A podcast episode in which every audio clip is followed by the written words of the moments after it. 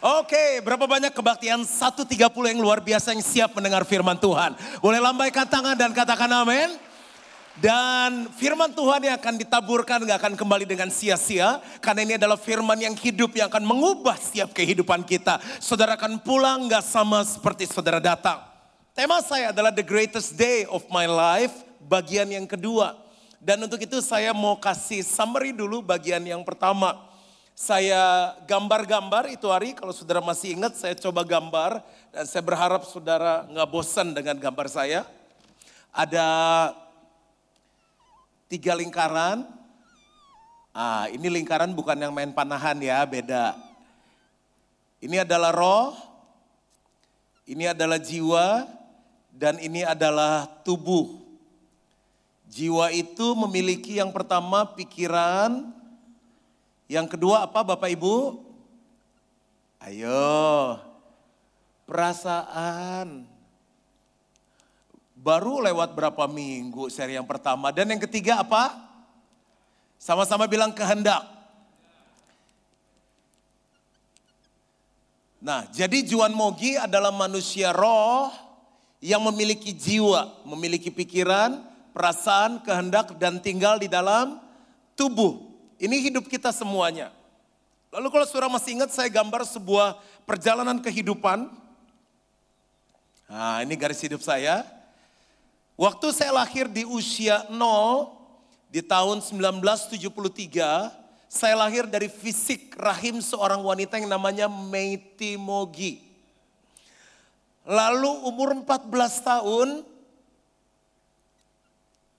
itu aku lagi ganteng-gantengnya, aku lahir baru. Apa itu lahir baru?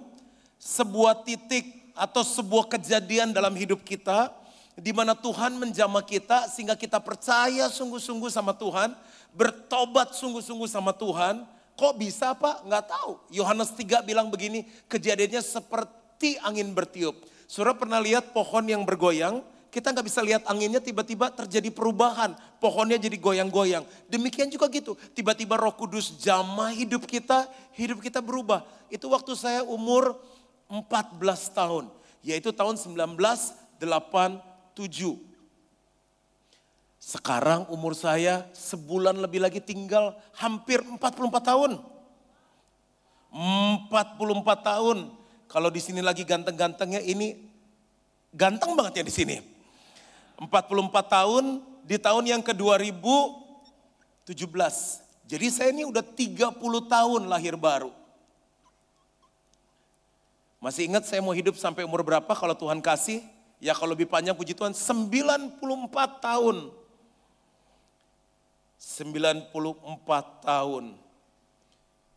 Berarti di usia ini saya sudah mesti punya lift di pesawat yang kayak Raja Salman yang naik begitu, ya kan? Mungkin emasnya juga udah sama banyak ya. Wah masih lama nih, berapa tahun lagi dari 44 ke 94? 50 tahun lagi. Ngapain nih kita 50 tahun ya? Nah selesai kehidupan, alamat cuma ada tiga. Yang pertama surga, yang kedua neraka, Yang ketiga adalah di bumi. Siapa yang pengen di bumi? Masih ada. Ada antikris. Baca deh kitab Wahyu. Jadi kalau mau percaya Yesus pun harus ada tanda di dahi 666 dan lain-lainnya. Menderita. Di neraka ada yang mau? Gak nyesel. Sayang loh, neraka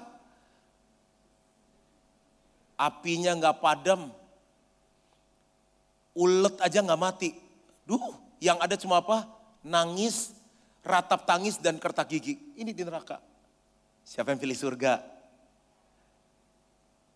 Ya udah sama berarti kita ketemu.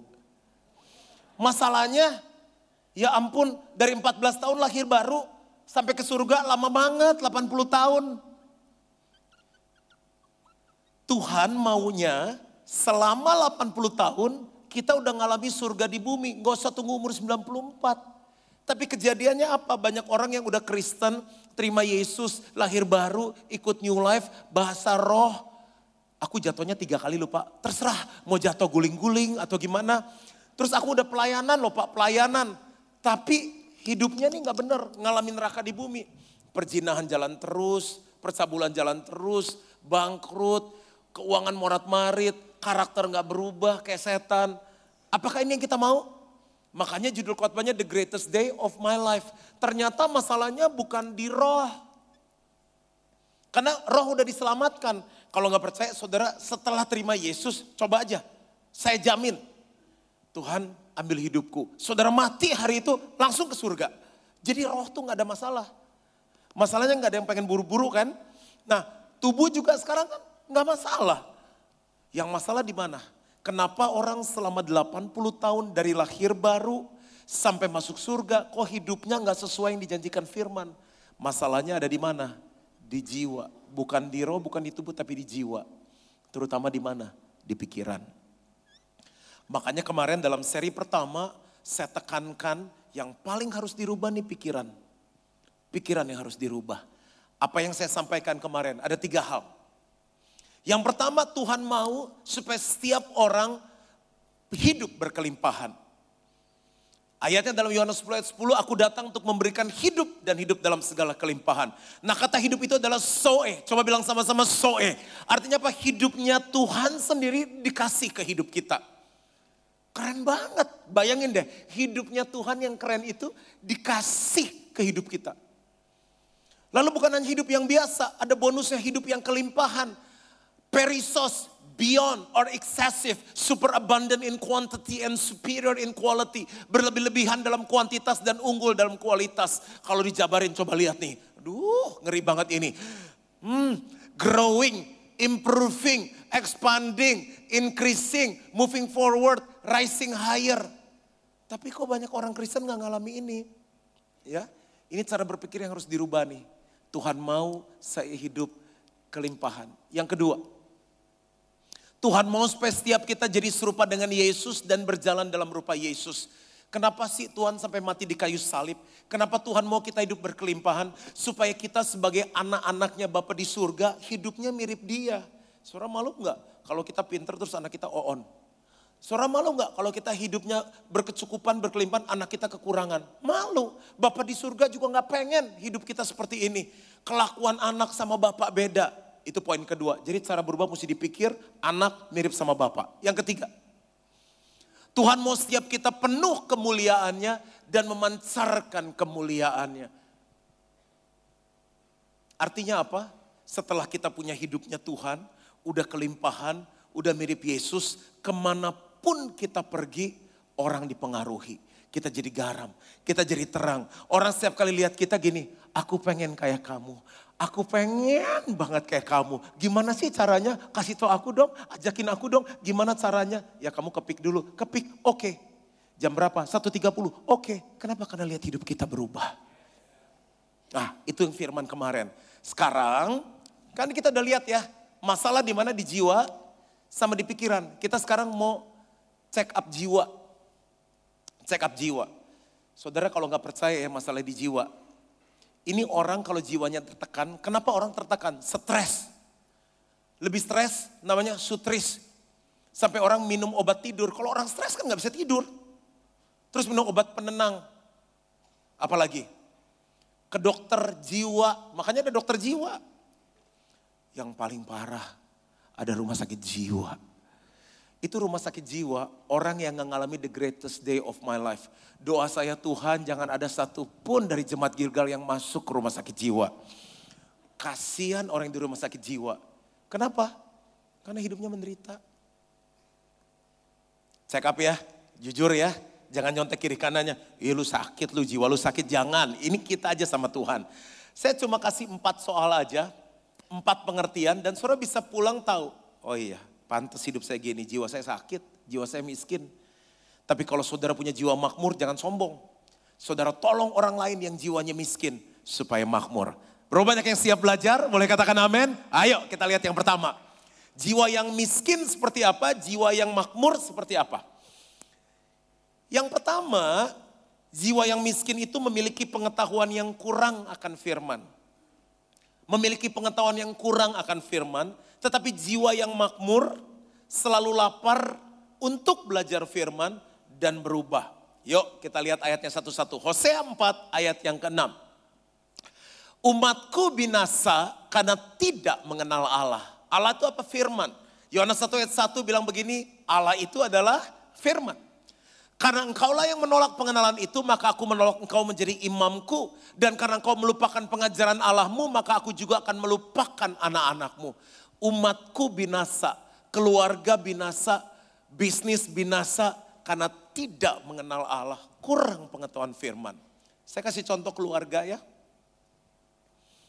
Firman Tuhan bilang begini, jangan merupakan pasangan yang tidak seimbang dengan orang yang tidak percaya. Sebab bagaimanakah gelap dan terang dapat bersatu. Itu ada di 2 Korintus 6 ayat 14. Satu saat, sepasang orang tua ketemu saya dan dia bilang gini, Pak Pendeta tolongin ngomongin anak saya. Ngomongin apa? Saya bilang kasih tahu dia menikah sama yang gak seiman. Loh, Bapak Ibu orang tuanya kok suruh saya? Gak mempan Pak. Ya udah saya ketemu sama anaknya. Saya dipesenin nih, papa mama kamu, kamu jangan menikah sama yang gak seiman. Terus maunya apa? Ya papa mama kamu mau jangan menikah. Papa mama mau yang seiman, saya bilang gitu. Ya ngomongnya baru bulan lalu, pacarannya udah tujuh tahun lalu katanya. Iya juga saya bilang ya. Kalau saya putusin sekarang atau kasihan saya ninggalin anak orang udah tujuh tahun dipacarin. Saudara lihat kenapa akhirnya orang nggak mengalami hari-hari yang baik dalam hidupnya. Karena kurang pengetahuan firman.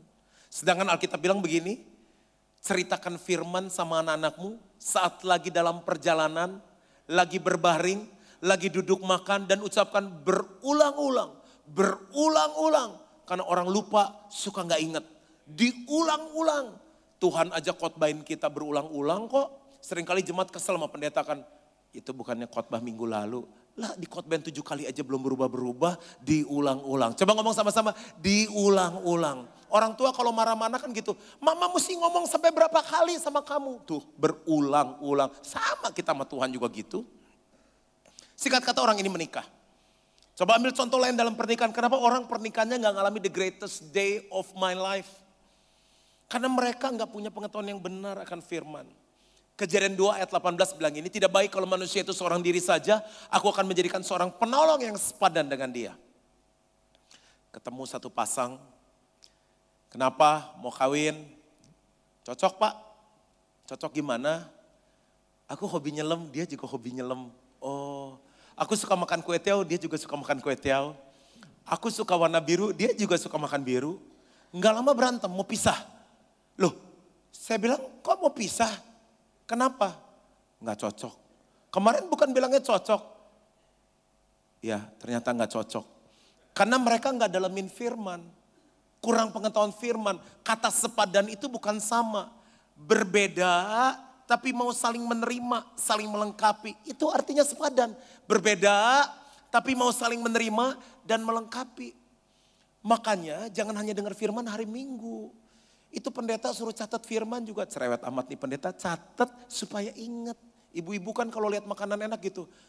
E, sis kasih tahu dong resepnya apa? Heeh, bawang putih tiga, bawang merah dua, cabai sekilo. Ah banyak amat sekilo. Heeh, terus jangan cuci tangan. Heeh, terus telur dua, terus daun bawang tiga. Itu dicatat supaya nggak lupa. Loh resep aja biar sama kita catat. Apalagi firman. Supaya hidup kita serupa Yesus ya harus dicatat. Terus beli CD didengerin lagi. Terus dengerin podcast kalau macet. Nonton YouTube. Dengerin CD khotbah. Makanya kenapa primerit pernikahan di kita itu 6 bulan. Minimal jemaat setahun. Harus ada sel syaratnya banyak. Supaya waktu menikah mereka mengalami the greatest day of my life. Makanya kenapa kita capek-capek bikinin Precious Love Marriage Getaway di Bali. Lah pendetanya aja ikut jadi murid. Om yang 75 tahun udah kawin 45, 48 tahun udah mau gold. Ikut duduk. Nah kita gimana? Ayo coba tahu nggak musim-musim dalam pernikahan apa? Tikungan-tikungan dalam pernikahan itu belajarnya di precious love. Sudah pikir ngapain kita capek-capek tinggalin saya juga mesti titip anak saya. Mesti keluarin budget yang besar untuk biayai supaya jemaat jiwanya nggak miskin. Kaya akan firman Tuhan. Lagi demen deh khotbah di kebaktian 130 ini semangat ngomong apa juga ditepukin tangan. Dahsyat perkasa yes yes yes. Huh. Lagi pernikahan. Ini kan banyak pernikahan gak mengalami hari-hari baik kan. Firman Tuhan bilang gini, Hai istri-istri, tunduklah kepada suamimu sebagaimana di dalam Tuhan. Hai suami-suami, kasihlah istrimu dan janganlah berlaku kasar terhadap dia. Saya mau tanya, tolong dijawab. Menurut Bapak Ibu, istri tunduk dulu sama suami, baru suami sayang, atau suami sayang dulu baru istri tunduk? Siapa yang bilang istri tunduk baru suami sayang? Angkat tangan. Punya prinsip dong, punya prinsip. Oke, siapa yang bilang suami sayang dulu baru istri tunduk? Angkat tangan. Mana angkat tangan pak diinjak kaki saya? Jangan, jangan ada kekerasan di rumah Tuhan. Bebas lah, ini kita negara bebas. Saudara, ayat ini bingung kan? Kenapa? Karena kita cuma baca satu ayat nggak baca sampai habis. Bahkan berantem pakai ayat ini. Eh, buta lu, lu baca nih baca mau gue gedein.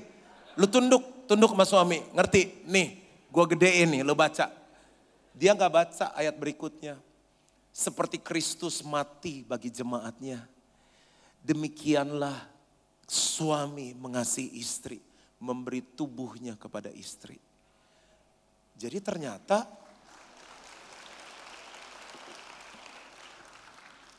ternyata banyak orang gak nikmati hari baik karena miskin firman. Kenapa pernikahan bosan coba? Kenapa kamu selingkuh? Bosan pak. Kenapa ibu gini? Datar pak, dingin pak pernikahan. Karena mereka nggak tahu tujuan pernikahan. Hah ayatnya di mana pak tujuan tuh? Kan nggak tahu. Kejadian 1 ayat 20 sampai 28 itu tujuan pernikahan. Baiklah kita menjadikan manusia menurut gambar dan rupa kita. Tujuan pernikahan yang pertama, supaya suamimu lihat Yesus dalam pernikahan. Supaya istri lihat Yesus dalam hidup suami. Supaya anak-anak lihat Yesus dalam hidup orang tua. Itu tujuan pernikahan. Bayangin kalau tahu, tahu tujuan pernikahan kayak gini kan nggak akan bosan. Yang kedua, lalu Allah memberkati mereka dan berkata beranak cuculah. Tujuan pernikahan kedua melahirkan keturunan ilahi. Jadi bukan sekedar kirim anak. Ya pokoknya anak saya harus sekolah ke Rusia. Jauh amat kata suaminya ke Rusia. Orang pinter, orang kaya di Rusia. Kalau orang ngerti tujuan ini, dia akan cari gereja dulu yang benar, cari gembala yang benar, yang anaknya bisa dimuridkan, baru dia pilih sekolah. Sekolah nomor dua, gereja nomor satu. Buat apa dia pinter pulang, tapi pulang pergi sendiri, pulang bertiga. Sama pasangan, sama anak. Buy one, get two. Buat apa? Harusnya pergi perawan, pulang perawan, jaga kekudusan. Ah Jimmy Yes kan udah menikah Jimmy yang harus yes yang lain. Tujuan pernikahan yang ketiga apa? Biarlah mereka berkuasa atas bumi ini. Tuhan mau supaya pernikahan kita berkuasa artinya apa? Orang look forward sama pernikahan kita. Gimana ya pernikahannya bisa kayak Bobby sama Devi? Gitu. Pengen deh kayak mereka. Ah itu Cukup jelas ya contoh ini ya, itu jiwa yang miskin. Karena kurang pengetahuan. Tapi jiwa yang makmur. Saya percaya kebaktian tiga, semua jiwanya makmur. Dia lapar untuk belajar firman dan berubah. Baca ayatnya Matius 5 ayat 6. Berbahagialah orang yang lapar dan haus akan kebenaran.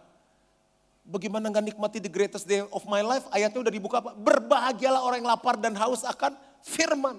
Karena mereka akan dipuaskan. Yang bisa puaskan kita cuma firman Tuhan.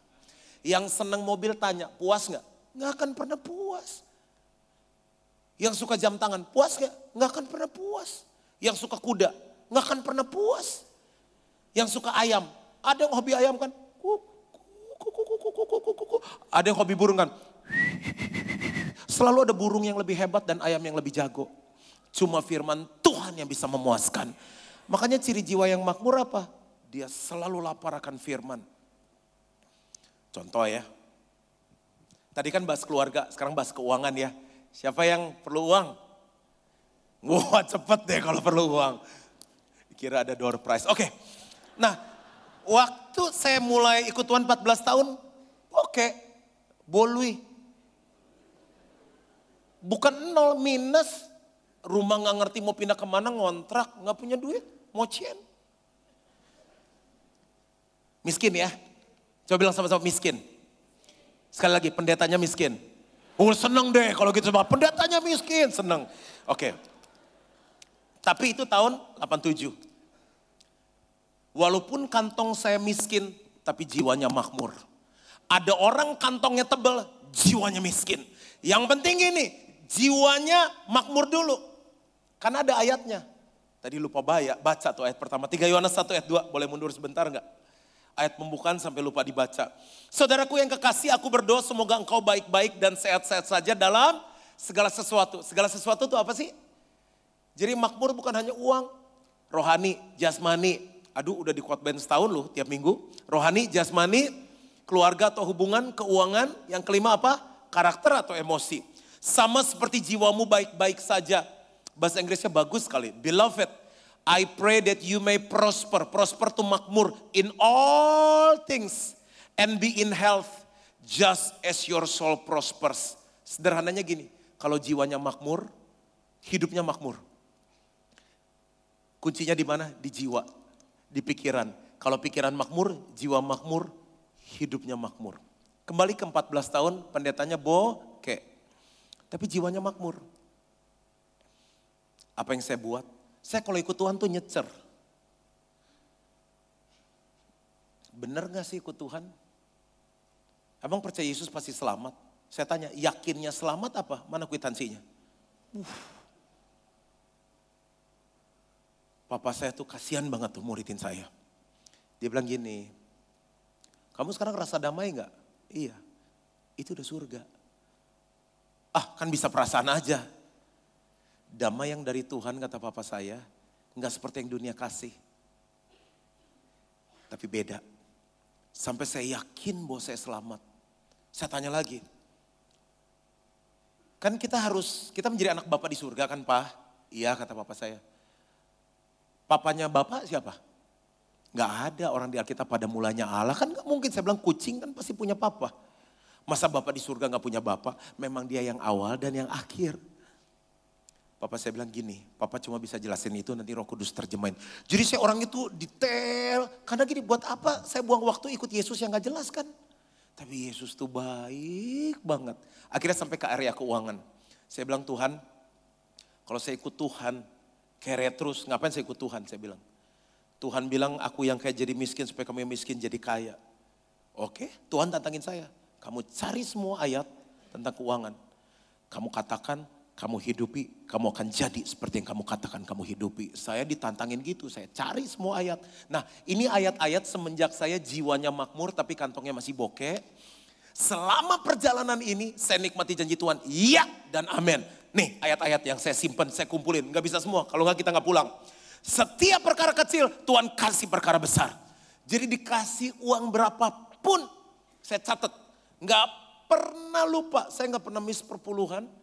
Dari 14 tahun lahir baru sampai sekarang, oh kok sekarang 94 tahun. Sampai sekarang 44 tahun emosi tadi. 14 sampai 44 tahun.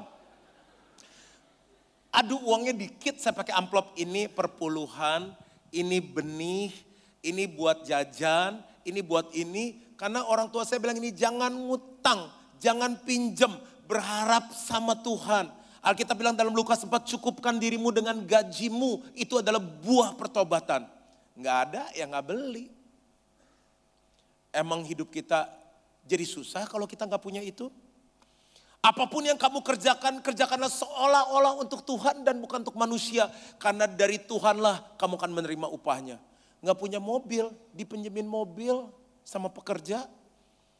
Papa saya bilang gini, kan ada yang pinjamnya harian, ada yang pinjeminnya lama. Kalau pulang, mobilnya cuci yang bersih, isiin bensin sampai penuh. Kan dia kasih pak, berarti dia bensinnya gue kasih, jangan balikin penuh. Saya cuci mobil saya seolah-olah mobil saya, itu mobil saya sendiri. Saya bilang saya lakukan ini untuk Tuhan, karena dari Tuhanlah saya akan terima upah. Saya cari lagi ayat Tuhan bilang ini, menabur sedikit, menuai sedikit. Menabur banyak, menuai banyak. Ada orang yang menyebar harta tapi bertambah kaya. Ada orang yang menghemat secara luar biasa tapi selalu berkekurangan. The word of the generous get larger and larger. But the word of the stingy get smaller and smaller. Uh, saya mulai nabur benih, nabur benih, nabur benih. itu dari duitnya kecekek, tapi jiwanya udah makmur.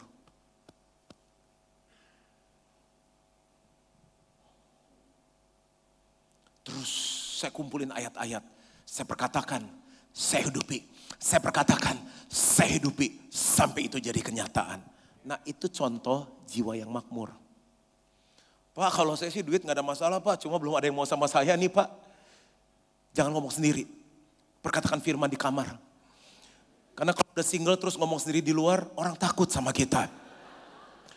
Perkataan begini tidak baik kalau manusia itu seorang diri saja. Tuhan akan mengirimkan seorang penolong yang sepadan dengan aku. Paikut yang cocok dengan aku. Rusukan paikut kan. Paikut yang cocok dengan aku gitu. Kita single. Tapi jiwanya double. Sadap. Daripada double jiwanya single. Ke mana-mana lirik. Bro udah ada istri bro. Hei ya. Mendingan single jiwanya double. Daripada double jiwanya single. Wah itu keluar pewahyuan terus tuh. Check up yang pertama,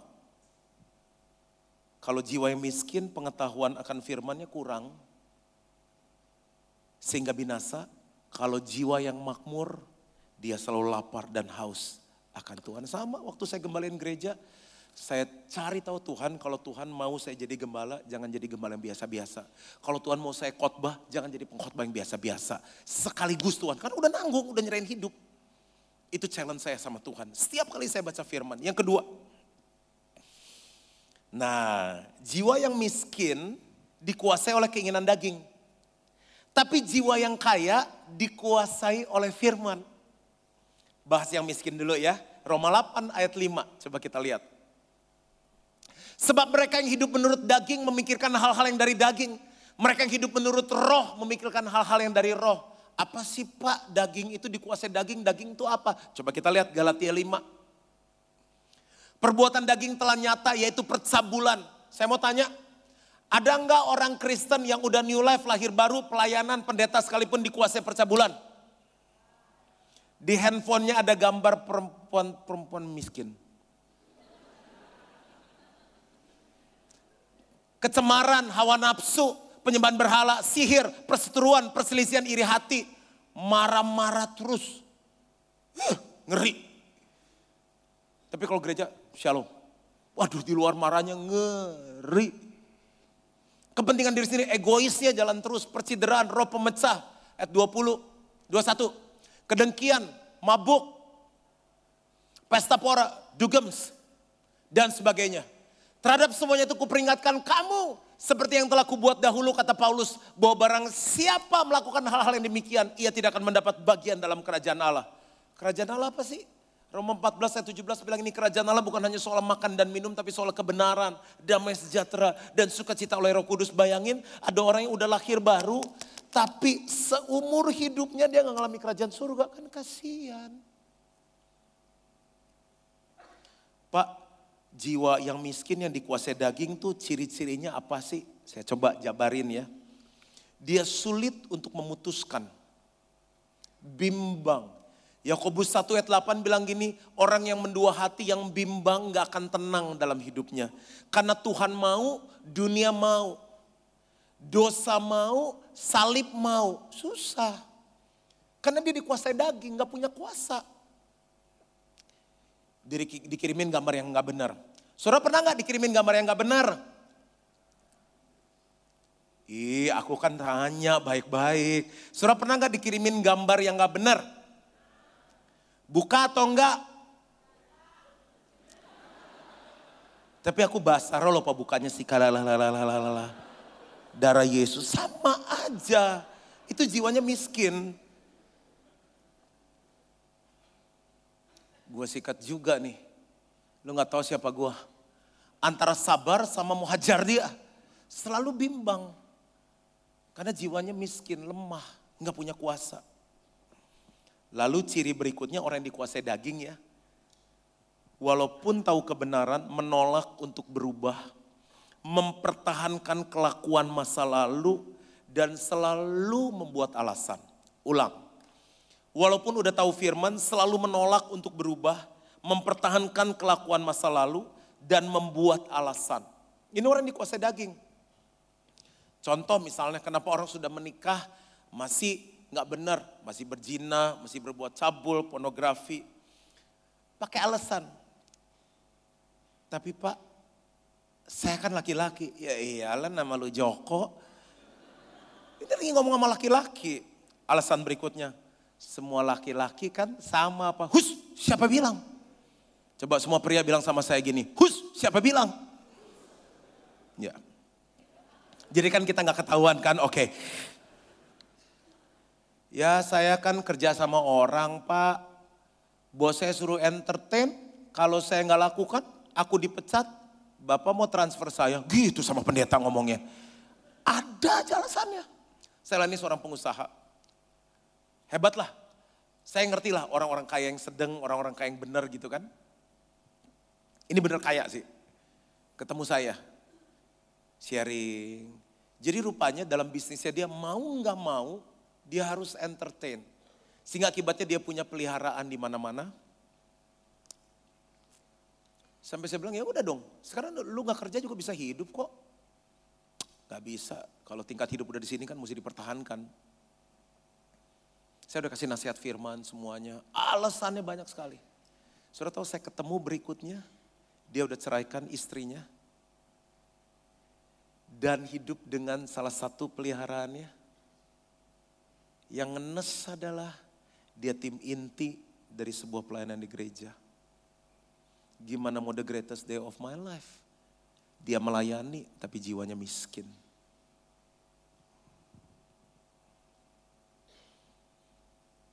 Nggak usah lama di sini. Coba kita lihat jiwa yang kaya seperti apa yang makmur. Nggak dikuasai oleh daging, tapi dikuasai oleh firman. Mazmur 1 ayat 1 sampai 3 bilang begini.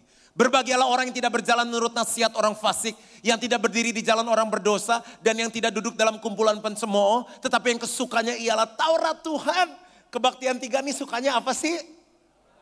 Eh, habis baca di sini. Yang merenungkan Taurat itu siang dan malam. Siapa lagi kalau bukan kebaktian yang ketiga? Ia seperti pohon yang ditanam di tepi aliran air yang menghasilkan buahnya pada musimnya dan yang tidak layu daunnya baca sama-sama dua tiga apa saja yang diperbuatnya berhasil. Ini bukannya the greatest day of my life apa saja yang diperbuatnya berhasil. Kuncinya apa sih? Orang ini dikuasai firman. Bayangin siang malam mikirnya firman, Bapak Ibu siang malam mikir apa coba? Ya sebentar firman, Sebentar Herman.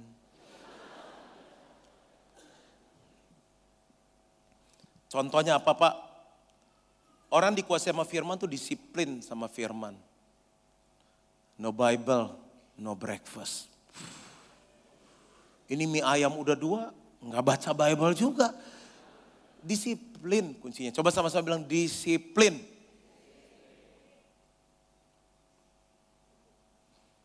Adam dan Hawa tuh jatuh dalam dosanya kenapa sih? Itu Tuhan khotbah, bayangin. Pendeta khotbah aja orang bertobat, ini Tuhan khotbah langsung loh. Dia bilang ini, Dam, semua pohon dalam taman ini kamu boleh makan buahnya dengan bebas. Kecuali satu pohon pengetahuan yang baik dan jahat. Jangan kamu makan buahnya sebab waktu kamu makan buahnya kamu akan mati langsung Tuhan khotbah. Ya ampun setan datang kan ular kejadian tiga itu kejadian dua loh. Ular bilang gini, Tentunya Allah berfirman, semua pohon dalam taman ini jangan kamu makan buahnya, bukan? Ah ular bisa aja. Musia kalau tahu ular ditengking dong. Eh ular keluar dalam nama Yesus. Karena nggak kuat disiplin firmannya. Jadi argumen sama ular. Akhirnya ular yang menang. Dimakan itu buah. Itu contoh pertama. Orang jatuh dalam dosa karena nggak dikuasai firman. Jiwanya miskin. Mau tinggalnya sama Tuhan kalau kita nggak bangun jiwa kita miskin. Tapi belajar dari Yesus deh. Aduh Yesus itu luar biasa. Yesus dicobain sama iblis loh. Yesus jadi dicobain apalagi kita. Cuma bedanya Yesus menang. Setan ngomong gini sama Yesus. Sus, ini coba deh batu-batu. Ubah jadi roti. Kamu kan hebat anak Allah. Tahu gak Yesus jawab apa? Ini orang yang jiwanya kaya yang dikuasai firman. Dia bilang begini, ada tertulis, manusia hidup bukan dari roti saja. Tapi dari semua firman yang keluar dari mulut Allah. Setan kabur enggak, dicoba lagi. Yesus, coba kamu lihat nih. Bagus kan dunia ini kan? Bagus kan? Semuanya ini kuberikan kepadamu. Asal kamu menyembah aku. Yesus tuh ya gini, ah yang benar. Terus kalau enggak gimana enggak gitu? Yesus bilang ini, ada tertulis, hanya kepada Tuhan Allahmu sajalah engkau menyembah. Firman semua yang keluar. Iblis nggak mundur. Yang ketiga, aduh makanya saya senang nih kebaktian tiga nih. Selalu respon sekali tepuk tangan. Yang ketiga, setan bilang begini. Yesus tahu Batman nggak sama Spiderman? Ini saya nambahin sendiri. Yesus kan lebih hebat dari mereka kan? Coba Yesus jatuhin diri. Itu dari tebing tinggi loh, coba Yesus jatuhin diri. Karena ada firmannya bilang, ia akan mengirim malaikatnya menatang engkau. Yesus gak bilang gini, udah deh kali ini deh gue jabanin juga. Dia gak gitu, dia tenang aja. Dia bilang ini ada tertulis, jangan mencobai Tuhan Allahmu. Itu setan ya, gak ditengking lu, lalu setan mundur. Dia tahu mana yang penuh firman, mana yang gak penuh firman. Kalau dulu zaman karismatik ya, sekarang beraya, Tim musik, haleluya 12 kali, haleluya. Setan aku sir, nggak usah gitu-gitu. Udah sampai, bro suara lu ke mana? Habis nangking setan. Keluar nggak? Nggak, suara gue yang keluar. Sampai habis suara, setannya nggak keluar, kesurupan lagi pembantunya. Setan mah tahu orang penuh firman sama enggak. Enggak ada haleluya 12 kali dalam nama Yesus. Dalam, lebih keras, lebih keras. Dalam nama Yesus. Setan bilang, emang gue pikirin, gue sih urusan sama lu gak ada firman. Setan tahu. Makanya jiwa yang makmur, gak mungkin dikuasai daging. Coba sama-sama kebaktian tiga bilang ini, ada tertulis. Jadi kalau nanti digoda nih, suruh jawab apa? Bro, ada barang baru nih, Kedi cantik nih. Ada tertulis. Apa mi? Gue lupa. Nah itu yang repot. Sampai ada tertulis setan juga, gila sekarang si Aan. Trisen gila sekarang udah main ada tertulis. Tapi begitu, apa ya Mika ayatnya? Jangan, jangan gitu, harus ingat, harus ingat ya. Kalau Trisen kira-kira 200 ayat apa lah ya? Ada di luar kepala ada kan ya? Saya juga 400 di luar kepala, nggak ingat. Harus hafal di dalam kepala, oke. Sama-sama bilang ada tertulis. Ah gitu. Itu jiwa yang makmur. Yang kita hafal tuh harga Hermes, terus harga Mercedes-Benz. Habis itu kalau setan datang. Yang ketiga, ini check up ketiga nih. Kalau saudara udah 50% sehat, wah udah hampir selamat tuh. Jiwa yang miskin selalu memikirkan yang negatif. Nggak ngerti tuh, dia lihat minus aja. Tapi kalau jiwa yang makmur, dia memiliki sikap yang positif terhadap kehidupan. Saudara kalau kita lihatnya negatif terus, gimana mau mengalami the greatest day of my life? Semua tuh perubahan dari pikiran. Pak, ibu, saya tuh orang yang DC-nya tuh kental banget. Detail. Tapi saya jadi stres dulu. Karena gini, ketemu begini banyak jemaat, ketemu relasi, ketemu koordinator, staf kantor, FCL, volunteers, belum ketemu gereja-gereja lain yang saya tolong, ketemu teman-teman pendeta, ketemu banyak hal masalah. Apa yang membuat saya bisa makmur jiwanya, ngalami the greatest day of my life? Saya belajar lihat positif. Dulu kalau saya orang orang telat ya, sudah senewan deh. Mana sih ini orang nggak tanggung jawab banget, nelfon kayak lelet banget sih telat. Jadi uring-uringan sendiri kan. Sekarang kalau saya lihat orang telat ya, saya bilang ini orang luar biasa loh. Walaupun dia sibuk, dia masih berusaha untuk datang. Sadar. Maka saudara lihat saya tambah muda kan. Karena begitu. Dulu kalau lihat orang pelit ya, kesel banget. Ya ampun kasih kayak 10 ribu pelitnya minta ampun. Sekarang kalau saya lihat orang pelit ya saya bilang gini, ini orang bagus nih. Dia tahu mana prioritas yang benar. Kemungkinan keluarganya lagi membutuhkan. Gitu. Eh ada orang-orang tuh yang susah lihat orang seneng. Tapi seneng lihat orang susah. Kalau ada orang baru, dulu sama-sama nih, sama-sama di gereja. Terus tiba-tiba boom, yang satu berhasil kan. Kaya kan. Terus gini dia lihatnya. Orang kaya baru. Ya emang baru kaya kan dia. Eh nggak lama dia ganti mobil. Dulu kan tutup mobil gini, prang gitu kan. Mobil tahun 87 gitu, prang. Prang. Sekarang mobilnya kebuka sendiri. Ciut, ada kan pintu kebuka sendiri. Ciut. Duniawi. Bagus dong pintu mobil kebuka sendiri. Dulu selalu sama-sama di gereja, duduk sebelahan, pasca Natal, sekarang kebaktian Natal. Kosong. Di gereja kan udah ada kafling-kaflingnya kan. Saya juga nggak tahu kapan belinya. Bisa loh suatu saat ya, kursinya dudukin orang bisa lihat gini nih. Saya ngeliatin saya senyum aja. Memang ada permafiaan di gereja. Nggak tahu kapan dia beli itu kafling baris kedua. Kayak udah dinamain gitu. Itu pantat gue harus di situ. Sorry ya Bope ini maksudnya kebaktian satu dua. Nah, terus begitu lihat tuh orang Natal nggak ada, gue udah bilang kan, gue rasa sih bisnisnya nggak bener, mungkin dia jauh dari Tuhan kayak sekarang Natal aja nggak ada.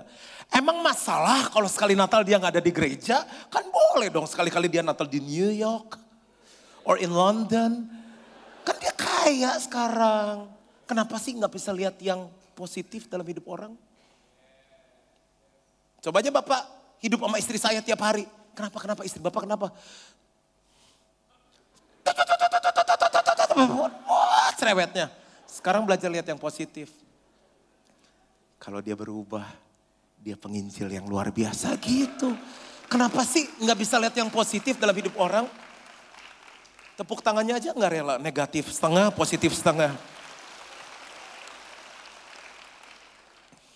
Satu saat saya dikirimin video klip. Video klip itu mengkonfirm saya untuk belajar melihat segala sesuatu itu lebih positif. Ada seorang anaknya sekarat, butuh pertolongan dokter, dia telepon dokter itu, SMS nggak dibalas, rumah sakit dimarahin, kenapa sih kerja lama banget anak saya sekarat.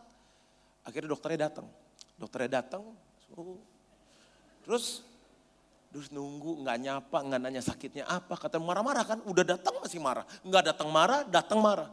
Pas keluar dia bilang gini, anak bapak oke okay, beres semuanya. Terus datang, marah lagi dia. Jelasin kek penyakitnya apa kek main pergi aja. Dasar dokter terkenal misalnya dia marah-marah. Susternya dengar marah-marah, bapak kenapa sih anaknya udah ditolong marah-marah. Itu dokter nggak tahu diri, telat nggak minta maaf, selesai nggak jelasin dengan jelas. Dia bilang anak saya oke, jelasin dong data medisnya apa pak. Dokter itu punya anak, sakit lebih parah dari anak bapak, baru meninggal kemarin Barusan dia telat karena ngurus penguburan anaknya. Kenapa bapak nggak disapa, dia langsung pulang karena dia pengen lihat anaknya dengan mata kepala sendiri turun ke liang kubur dan hadiri pemakamannya sampai selesai. Diam tuh orang. Kenapa sih nggak belajar lihat sesuatu itu dengan positif?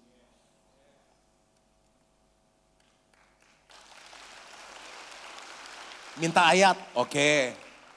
Yuk buka Filipi 4. Aku nggak ngarang. Dan saya akhirnya berpikir dunia jadi indah saat saya belajar lihat yang positif. Jadi akhirnya, udah gak ada akhir, ini udah paling akhir nih. Saudara-saudara, semua yang benar, semua tuh apa sih? Waktu saya setiap kali saya baca semua, bayangin mertua kita yang cerewet, ipar kita yang pelit, Terus suami kita yang gak tahu diri, bayangin aja semua. Semua yang benar, semua yang mulia, semua yang adil, semua yang suci, semua yang manis, semua yang sedap didengar, semua yang disebut kebajikan dan patut dipuji. Pikirkanlah semuanya itu. Aduh ini kalau orang punya pikiran jiwa makmur kayak gini, dia akan nikmati hari-hari yang indah dalam hidupnya. Setuju nih? Ini ya setuju atau nggak enak sama saya? Oke, kalau setuju saya tes. Khotbahnya hari ini bagus atau enggak? Seandainya pun khotbah saya jelek, saudara harus lihat dengan positif. Kan daripada nggak ada pengkhotbah, sekarang kan susah cari pengkhotbah. Akhirnya apa? Pulangnya enak. Saudara perhatiin nggak pujiannya dari awal sampai akhir lagunya bahasa Inggris. Gereja di pick lagu pakai Inggris Inggris, sosok bule. Itu negatif. Kalau saudara positif, saudara lihatnya apa? Walaupun kita nggak ngerti. Susah. Kayak gue kemarin ngomong pakai bahasa Taiwan itu. Cu Yesu Chen Hao, San Cu Yesu Chen Hao. Dua setengah jam keriting itu. Setengah. Kenapa jadi begini kayak radang tenggorokan. Itu latihannya. Lu jadi aneh lu kata si Jack gitu kan. Lu jadi aneh lu. Di mau tidur kamar. Cu Yesu Chen Hao. Xiang ti apalah. Cai tai apa? Gilga cai. Saya ngomong apa kemarin? Aduh. Ini kan bahasa sehari-hari. Sebentar ya.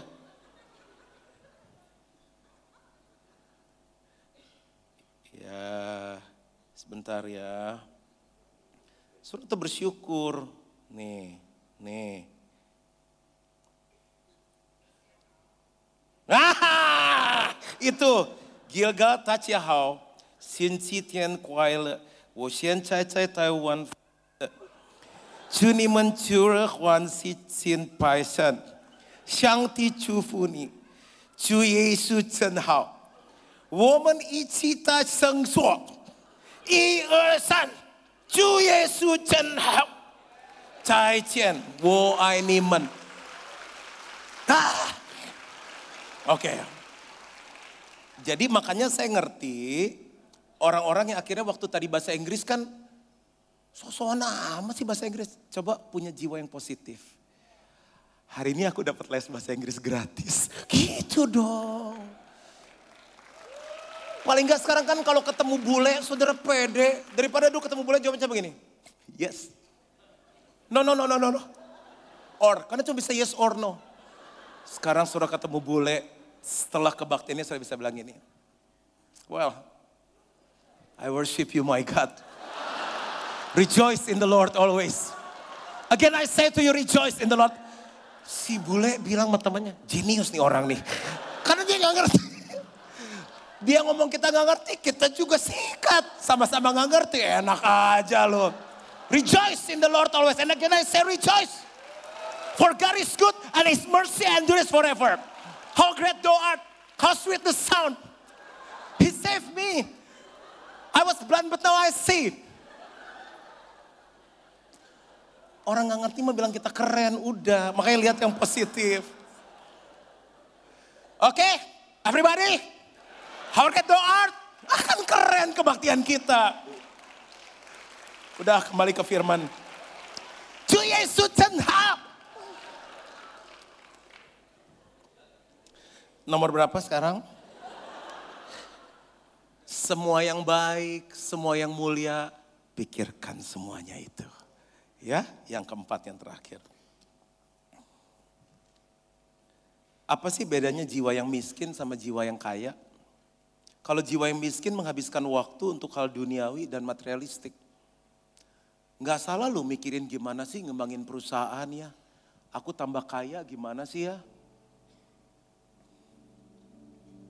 Saya kalau, saya masih senang mobil. Tanya Jimmy, karena kita ke pameran mobil bareng. Mobil apa Jimmy yang bagus? Ngomongin jam. Saudara, bukan berarti terus kita jadi katro, jelek. Coba saudara lihat saya. Oke nggak? Boleh lah. Masih slim walaupun ini masih tumpah-tumpah sedikit. Saudara lihat pocket square, dasi. Jas saya bener nih ukurannya tuh satu senti di sini, nggak terlalu panjang. Sepatu saya masih ada tiselnya. Saya masih ikutin PT Uomo loh.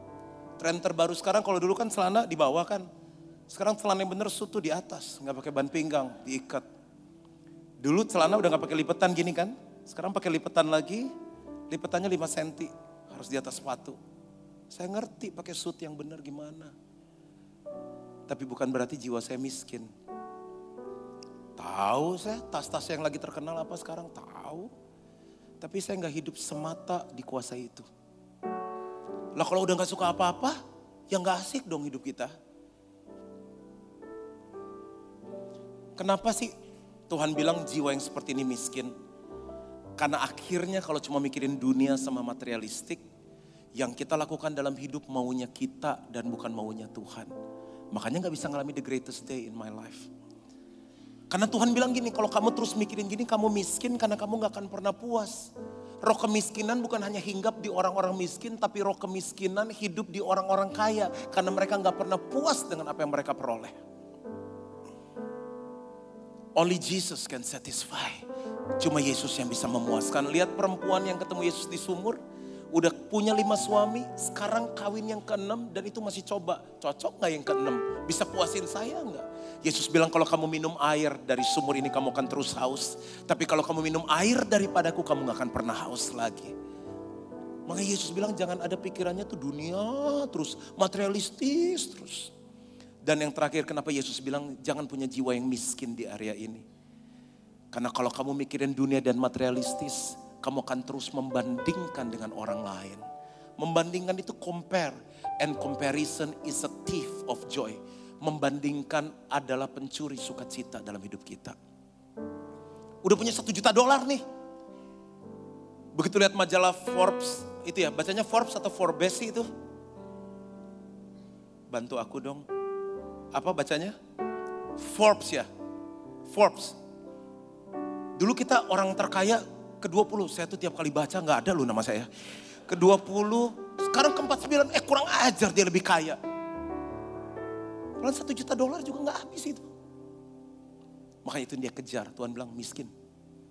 Saya nggak ada waktu, kalau nggak saya kasih tahu ayatnya. Kamu akan terus membandingkan hidupmu. Dia udah ganti mobil, aku belum. Dia udah pakai tas baru, aku belum.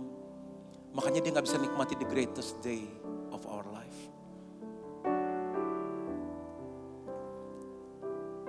Tapi jiwa yang kaya, pikirannya tertuju kepada Tuhan dan perkara yang di atas. Ayat terakhir, dan saya selesai. Kalau setiga ayat 1 sampai 2. Karena itu kalau kamu dibangkitkan bersama dengan Kristus, siapa yang udah dibangkitkan bersama Kristus? Udah gak ada di dosa, udah gak ada di kutuk lagi. Carilah perkara yang di atas, di mana Kristus ada. Duduk di sebelah kanan Allah. Pikirkanlah perkara yang di atas, bukan yang di bumi. Artinya apa sih? Apa kita pada jadi pendeta semua? Enggak. Misalnya contoh saudara bisnismen. Jadi yang dipikirin tuh begini. Tuhan, bisnis yang aku kelola ini udah seperti yang Tuhan mau belum? Tuhan, yang aku buat di bisnis, di pekerjaan ini menyenangkan Tuhan enggak? Tuhan gimana ya caranya supaya aku bisa jadi garam dan terang untuk 200 karyawanku ini? Gimana caranya mereka bisa terima Yesus? Gimana caranya aku bisa sejahterakan mereka hidupnya lebih lagi? Eh dapat kangtau nih. Uh. Langsung lagi ke atas Tuhan. Kalau berkat ini aku ambil, ini daging atau dari Tuhan ya.